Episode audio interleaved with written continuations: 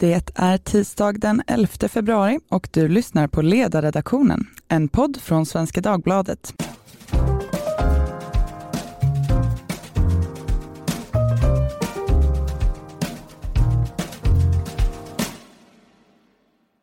Jag heter Katarina Karkainen och idag ska vi tala om Tyskland och den stundande krisen och antagligen kommande maktstriden inom CDU, de tyska kristdemokraterna.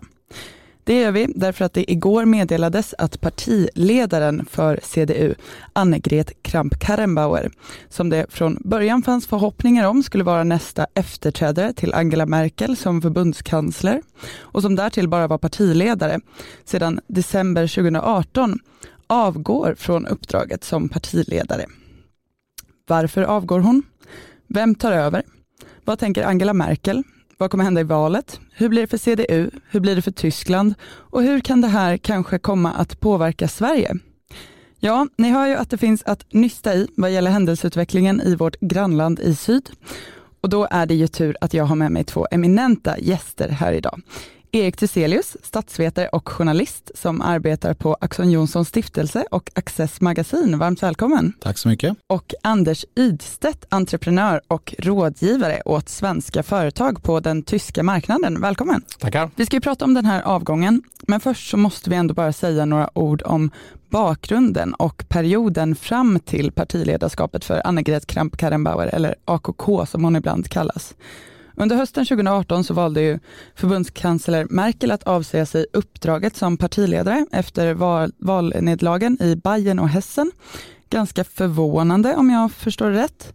Eh, men hon valde ändå att fortsätta leda sin koalitionsregering fram till nästa val som då är 2021. Är det korrekt uppfattat och hur ska man förstå det här? Ja men det stämmer alldeles utmärkt, så var det.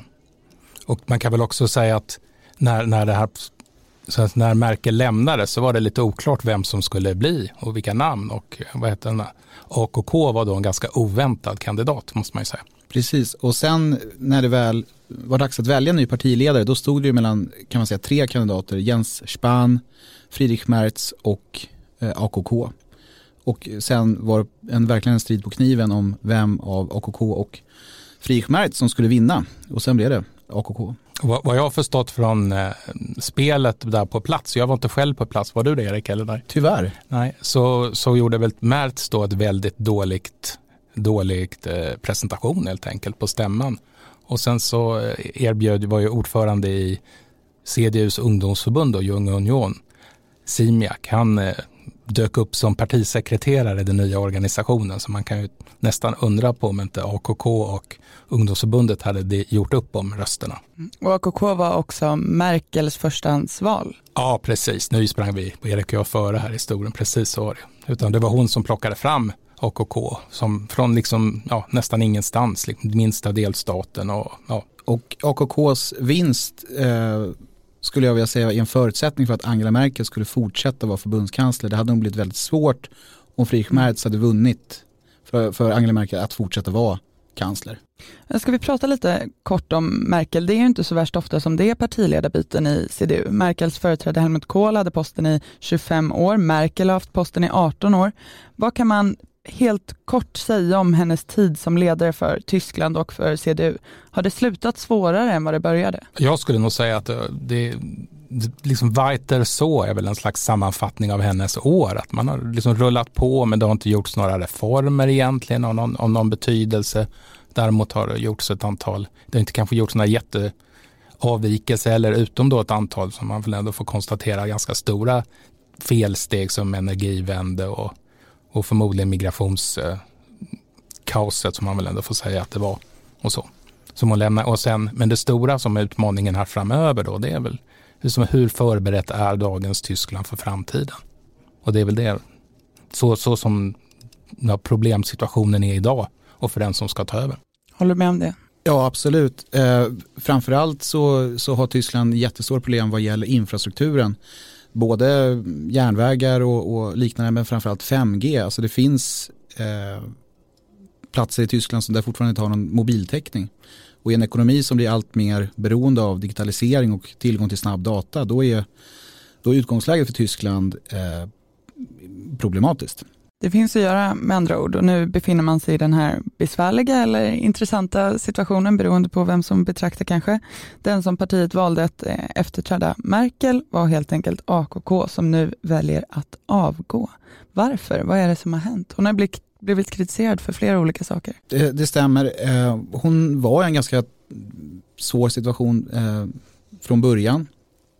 Hon, fick, hon såg som Merkels handplockade efterträdare och men var, hade väl egentligen inget man, alltså hon, hon, det är väldigt svårt tror jag att om du liksom ärver posten från din företrädare eh, och då har du, lyckas du inte skapa ett eget mandat då är det, då är det jättesvårt. Eh, hon försökte, eh, hon anordnade bland annat en migrationskonferens där Tyskland och CDU skulle, liksom, eller CDU skulle hitta en ny väg i, i migrationsfrågan.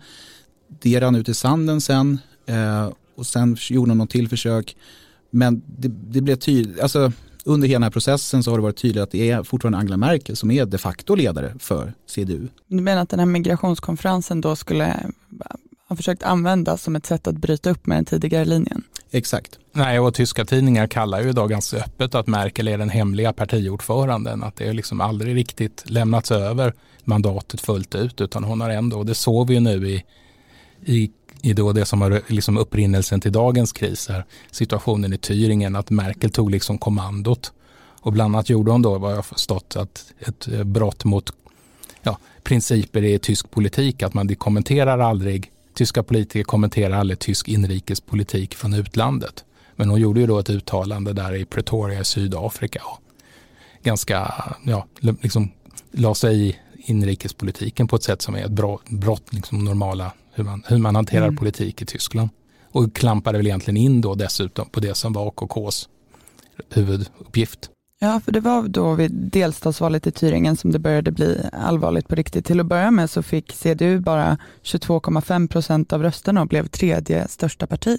Varför gick det inte bättre? Bodo, Bodo Ramelow som är Linkes, eh, var De Linkes eh, kandidat, han var tidigare ministerpresident för Thüringen, han är väldigt populär. Också ironiskt nog bland eh, CDU-väljare och driver väl någon slags eh, vad som kan uppfattas som eh, reformerat. Det är Link i alla fall där. Eh, jag säger inte att det är så men det har uppfattats vara så.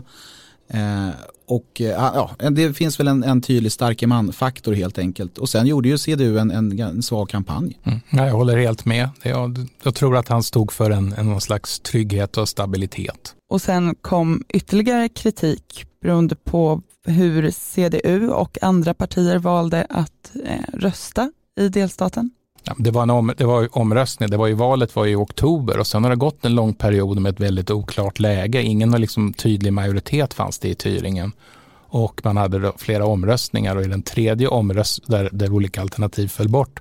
Och i den tredje omröstningen då där alla väntade sig att Bodo Ramelow skulle vinna och han hade tydligen klätt på sig en speciell rosa favoritfluga dagen till ära och partiordföranden för de Link i Tyringen hade köpt en jättestor blombukett för att fira, fira honom då. Och så visade det sig då att när vet, Ramelow ställs mot Kemmerich som är Liberalernas FDPs kandidat så röstar både CDU och det kanske inte var så oväntat men AFD låter, lägger, liksom, lägger också sina röster på Kemmerich. Och helt plötsligt så har liberala kandidaten en röst mer än de Linkes kandidat. Och det blev liksom helt oväntat mm. för alla, och det, även Kemmerich. Och det i sin tur utlöser en massa reaktioner. Eh, det intressanta är ju att uppenbarligen har det inte funnits någon förberedelse för att det här scenariot skulle kunna inträffa eh, inom CDU på förbundsnivå, därav denna panik. Eh, eller ja, därav de här starka reaktionerna. Eh, vilket också måste ses som ett svaghetstecken. Att man inte liksom funderar på vad, vad, vad, är våran, vad är våran plan om detta händer. Och hur går linjen från de här händelserna till kritiken av AKK? Man uppfattade inte att hon hade kontroll över situationen? Eller? AKK, hon åkte ju ner till Tyringen. Hon åkte ner till Erfurt och försökte prata med den regionala ordföranden där, eh, Mike Morg, Mike Morg och eh, misslyckades med att övertyga honom att ni måste, liksom, ni måste göra om, det, det, här, det här går inte. Och, där, och, och sen kommer Merkels uttalande från Sydafrika och då i och med att hennes position redan var försvagad då blir det liksom ännu tydligare att hennes, att, att, ja, hon, hon uppfattade det som, som för svag helt enkelt. Vad var Angela Merkels hållning? Att det här måste göras om, det här är oacceptabelt och det här måste göras om. Och i dagens handelsblatt så står det tydligen att Merkel dessutom ringde Bodo Ramelov och pratade med liksom förloraren där då. Mm. Och utan att tydligen ha berättat det för sina egna partikamrater och så. Anders, jag såg att eh, du såg likheter med Sverige och eh, Moderaterna. Eh, vad var det för parallell som du drog? Ja, men redan efter det här valet av AKK så kunde jag inte låta bli att jämföra med akronymen AKB och ingen jämförelse i person eller så i övrigt eh, på något sätt så. Men jag skulle säga att det är en lite svår och nästan hopplös situation att bli utsedd så tydligt av sin företrädare med ett så tydligt, liksom här är en färdig politik och du, ja, som du sitter på. Och jag tänker på liksom decemberöverenskommelsen i Sverige och på samma sätt så hade liksom AKK, hon fick ju, hade liksom ännu svårare i och med att Merkel dessutom finns kvar mm. på spelplanen. Så där, hon hade liksom en, skulle jag säga, en hopplös och svår situation ända fram. Jag, det var liksom bara, tyvärr bara att räkna mm. dagar enligt min uppfattning. Ja, och uppenbarligen inte har lämnat internpolitiken ens helt. Nej, precis. Och, och, och, och spelat liksom ringt folk och, och uppenbarligen, det talas i media också om att de hade hotat med att bryta upp samarbeten i andra delstater om, om inte FDP agerade och så här. Så att. det var ju en, det, alltså, utgångsläget för CDU Thüringen var ju hopplöst för att instruktionerna från, från Berlin var ju stenhårda. Ni får absolut inte förhandla åt, åt, med AFD och ni får absolut inte förhandla med Die Linke. Och vad återstår då? Nej, och, så att det, det är en besvärlig situation. Sen kan man då diskutera liksom nu pågår diskussionen här, liksom var det ett samarbete eller sånt? Det var, de röstade på samma kandidat. Det låter på er som att eh, ingen riktig skugga ska falla över AKK. Nej, alltså hon har väl, hon har väl det, är, det är svårt, alltså hon har ju haft svårt att frigöra sig från, från kliva ur Merkels skugga. Eh, men, men eh, jag håller med Anders där. Det, det, det, när hon blev vald, jag kände också att det här kommer nog inte hålla hela vägen. Mm. Man kan väl säga att det är lätt att sitta som någon slags rådgivare på, på vad det, bänken och kommentera matchen och sånt. Men det, mm. rådet hade väl naturligtvis varit och sagt att i både här i Sverige och kanske i Tyskland att ännu mer göra, ta avstånd från tidigare och markera att jag har en egen agenda och en egen och markera mot sånt som fånga upp sånt som kanske väljarna tycker är mm. blev fel och man började hitta en ny politik. Mm. Jag menar i Sverige så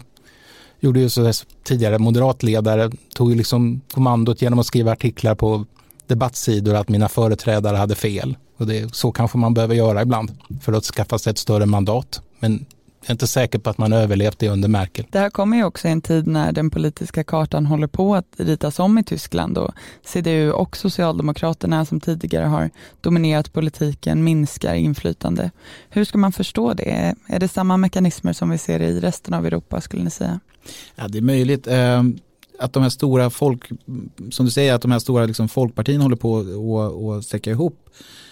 Det, är ju, det ser vi i fler länder än i, i, i Tyskland. Um, det som, är, det som jag, min analys varför CDU befinner sig i den situationen eh, man gör det är att man har eh, man tappade flanken till höger och då kom AFT och fyllde upp det tomrummet. Inte minst efter migrationskrisen 2015. Men det handlar inte bara om migrationen, det handlar om att eh, väljare framförallt i östra, östra Tyskland eh, inte känner igen eh, CDU på förbundsnivå.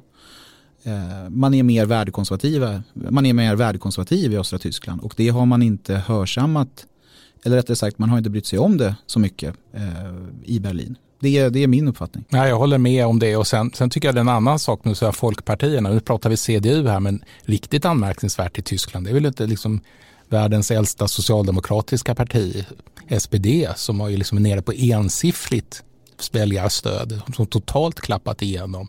Det är kanske den riktigt stora så att säga, ja, chocken i tysk politik på senare år. Eh, verkligen. Och sen, eh, sen på tal om CDUs problem och, och, och vägval. Eh, om, om det fortsätter som det gör och CDU får inte ta makten med stöd av eller att AFD röstar på CDUs kandidater till exempel.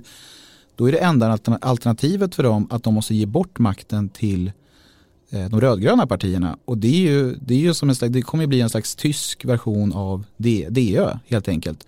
Och det vore ju förödande för, för, för kristdemokratin i Tyskland. Så de måste hitta, de måste våga lita på sina egna idéer och våga, våga hitta en egen eh, väg framåt. På den noten, nu väntar ju en maktstrid inom CDU som förstås också får implikationer för hela den tyska politiken. Vilka väntas vara kandidaterna? Eh, det är några namn som dyker upp i spekulationerna. Dels är det Nordrhein-Westfalens eh, ministerpresident och ordförande för CDU, Armin Laschet. Eh, han beskrivs som en ganska ja, en mittenkandidat. NRV, eller Nordrhein-Westfalen är också en av de viktigaste delstaterna i Tyskland på grund av sin, att det är den folkrikaste. Det är väl drygt 18 miljoner människor som bor där. Väldigt många CDU-väljare och medlemmar. Eh, sen har vi Jens Spahn igen då eh, och Friedrich Merz eh, igen. Och när jag läser tidningar så verkar det vara eh, Merz som pekas ut som en av de troligare. Men det är väldigt spännande. Jag, det går helt öppet hur det kan gå. Ja, jag håller det precis. Eh, och eh, heter det, Armin Laschet då, han har ju, gjorde ju förra gången uttalanden att han ungefär fritt översatt att han är hellre kung i, i sin stora del, framgångsrika delstat och dessutom leder liksom en koalition så som det borde se ut. Liksom i. Så att eh, ett, eh, eh, ja, men och Mertz gjorde ju, klappade ju igenom då förra gången med dålighet, men han har verkligen spurtat upp sig om man följer honom då. Han är ute och pratar på möten, han åker på ungdomsförbundsstämmor och, och han har till och med sagt upp sitt jobb då. Han har ju liksom kritiserat för att han jobbat för amerikansk riskkapital eller pensionskapitalfond och sånt. Där har han sagt upp uppdraget och sånt för att vara mer, mer fri och sånt. För nya roller och sånt. Så att jag skulle nog säga att, att eh, Mertz verkligen han går in för det. Men det betyder ju inte att, det, att eh, valet är avgjort. Det kan ju dessutom dyka upp någon ny. Intressant också att eh, Armin Laschet, Jens och eh, Friedrich är ju alla från Nordrhein-Westfalen. Eh, sen var det en, en, en, fjärde kandidat också, det är Marcus Söder eh, från eh, Bayerska CSU. Eh, jag tror Anders har, du har till och med träffat honom tror jag, Anders. Ja, men vi har varit och pratat på samma seminarium en gång och sånt där för några år sedan. Och så. Men jag är imponerad, han är verkligen någon som fångar sin publik, han är, han, eh, ja, nej, det är en duktig, han har vinnarskalle också på ett sätt sådär, skulle jag säga. Det är en, eh, på ett sätt, ja, som är lite ovanligt så, en riktigt ja, stabil och tuff politiker. Imponerad. Mm. Söder är för övrigt, han kommer ha norska, norskt påbrå. Ett, tecken, ett, ett oroväckande tecken på att CDU faktiskt eh, kan vara på väg mot en kris det är ju att vi har, har ju, vi har ju olika grupperingar inom Kristdemokraterna. Och en grupp heter ju CDU Mitte och sen har vi en som heter Värt Union, fritt översatt liksom värderingsunionen. Och nu höjs röster inom det Mitte att vi måste utesluta de här konservativa Eh, Eh, medlemmarna i Union för liksom, vi kan inte ha det, de vill öppna upp, eh, de vill öppna upp eh, flanken mot AFD. Jag tolkar inte som att de vill det utan snarare vill de ju stänga flanken genom att gå tillbaka till mer traditionell kristdemokratisk politik. Men just att man, de här kraven kastas mot medlemmar på att liksom, eh, ett friskhetstecken är ju om det, om det är högt i tak i ett parti. Liksom. Hur kan vi gå framåt? Nu ska, all, nu ska alla idéer upp på bordet.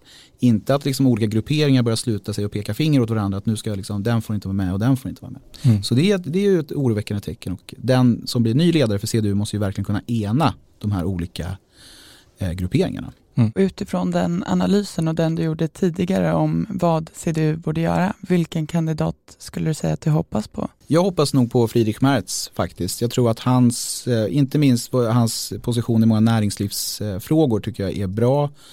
Eh, Tyskland är i starkt behov av nya ekonomiska reformer. Eh, jag tycker han har en, en tydlig ställning vad gäller transatlantiska länken, att den måste försvaras och skyddas. Eh, ja, så jag skulle nog, och också att han har en tydlig, eh, han vill absolut inte närma sig AFD, men han vill heller inte närma sig eh, de, de gröna på det sättet, försöka kopiera de gröna, utan han säger att vi måste bli tydliga i vår egen politik, att, att eh, CDU ska liksom hitta sin röst. Uh, ja. Vad skulle du säga Anders? Ja, det är ju inte så spännande här för jag har, delar helt eh, Eriks uppfattning här. Clemens Fyst som är chef för ansedda IFO-institutet i München som kanske även svenska lyssnare här är vana vid att man refererar till deras sån här statistik för konjunkturstatistik och så. Men Clemens Fyst skrev här för någon vecka sedan en, en sammanfattning av Merkels 14 år då och vad är det hon lämnar efter sig, vad hon har gjort. Och då konstaterar han att det är några små reformer åt, åt rätt håll, en liten bolagsskattesänkning och sådär. Men i stort är det ju liksom det hon lämnar efter sig, det är mycket att göra. Det får det varit liksom stagnation och det finns väldigt, mycket, väldigt många reformer som måste göras. Mm. Och vi brukar presentera Tyskland som liksom Europas ekonomiska lok. Och ska mm. det vara ett lok för Europa och resten av EU här så, så, mm. så krävs det nog kraftiga tag och då tror jag att det krävs någon som har en mer kraftig näringslivsagenda som märks. Vi har pratat mycket om eh, spelpolitik här den senaste stunden nu, men eh, vi ändå också ska få säga några eh, ord om det som vi var inne på i början, det vill säga vad Tyskland framgent behöver. Om ni fick skicka med en kort önskelista till nästa förbundskansler, vad skulle det vara? Mer marknad faktiskt. Jag är lite bekymrad, förutom det här med, med eh, infrastruktur och så som man släpar efter och så, så jag är bekymrad över en axel Paris-Berlin, att man, man satsar på stora offentliga projekt, liksom att det är, att det är politik, politiska handeln som styr istället för marknaden. Mm. Det där är jag lite bekym väldigt bekymrad över. Och näringsminister Altmaier som är då väldigt stark Merkel, som sitter väl egentligen på Merkels mandat, i förra valet så fick ju partiet inte skriva valmanifestet utan det var Altmaier som fick sitta och skriva det själv. Liksom. Då får min önskelista bli eh, mer försvar. Eh, Tyskland är den ekonomi, i, den ekonomi i Europa som verkligen kan rusta upp och borde verkligen göra detta för det eh, maktvakuum som vi nu ser inom EU, Europa är eh, potentiellt farligt eh, och det, kommer väldigt, det är väldigt svårt att få opinion på det här men, men det måste Tyskland måste inse att man inte bara kan vara en liksom säga, ekonomisk stormakt utan även politisk och med det kommer även att man måste ha en armé. Slutligen, som ett litet land norr om Europa, som man ibland delvis skämtsamt brukar säga, men samtidigt ett land med nära relationer till Tyskland. Vad tror ni att det här får för konsekvenser för Sverige, om några? Det spelar roll vem som sitter i Berlin såklart för Sverige, men vi, har inte, vi måste förhandla med Berlin. Det, det, är den partner vi, vi, det är den viktigaste partnern vi kommer ha nu efter Brexit. Mm. Ja, och, och det är nog de frå, två frågorna vi har lyft här. Liksom en, ett näringsliv som har råd att leverera ekonomi så att, så att, så att det går bra för Tyskland och att ett, en satsning på försvaret. Det tror jag liksom det är väldigt viktigt för, för Europa och EU och för Sverige. Med det så måste vi tyvärr sätta punkt för dagens samtal, som åtminstone jag tyckte var väldigt eh, intressant och berikande. Stort tack för att ni ville komma och dela med er av era analyser, Erik och Anders. Tack också till er som har lyssnat. Vi är som vanligt tillbaka med ett nytt avsnitt imorgon och ni får som vanligt gärna höra av er till ledarsidan svd.se. Tack för idag. Hej då!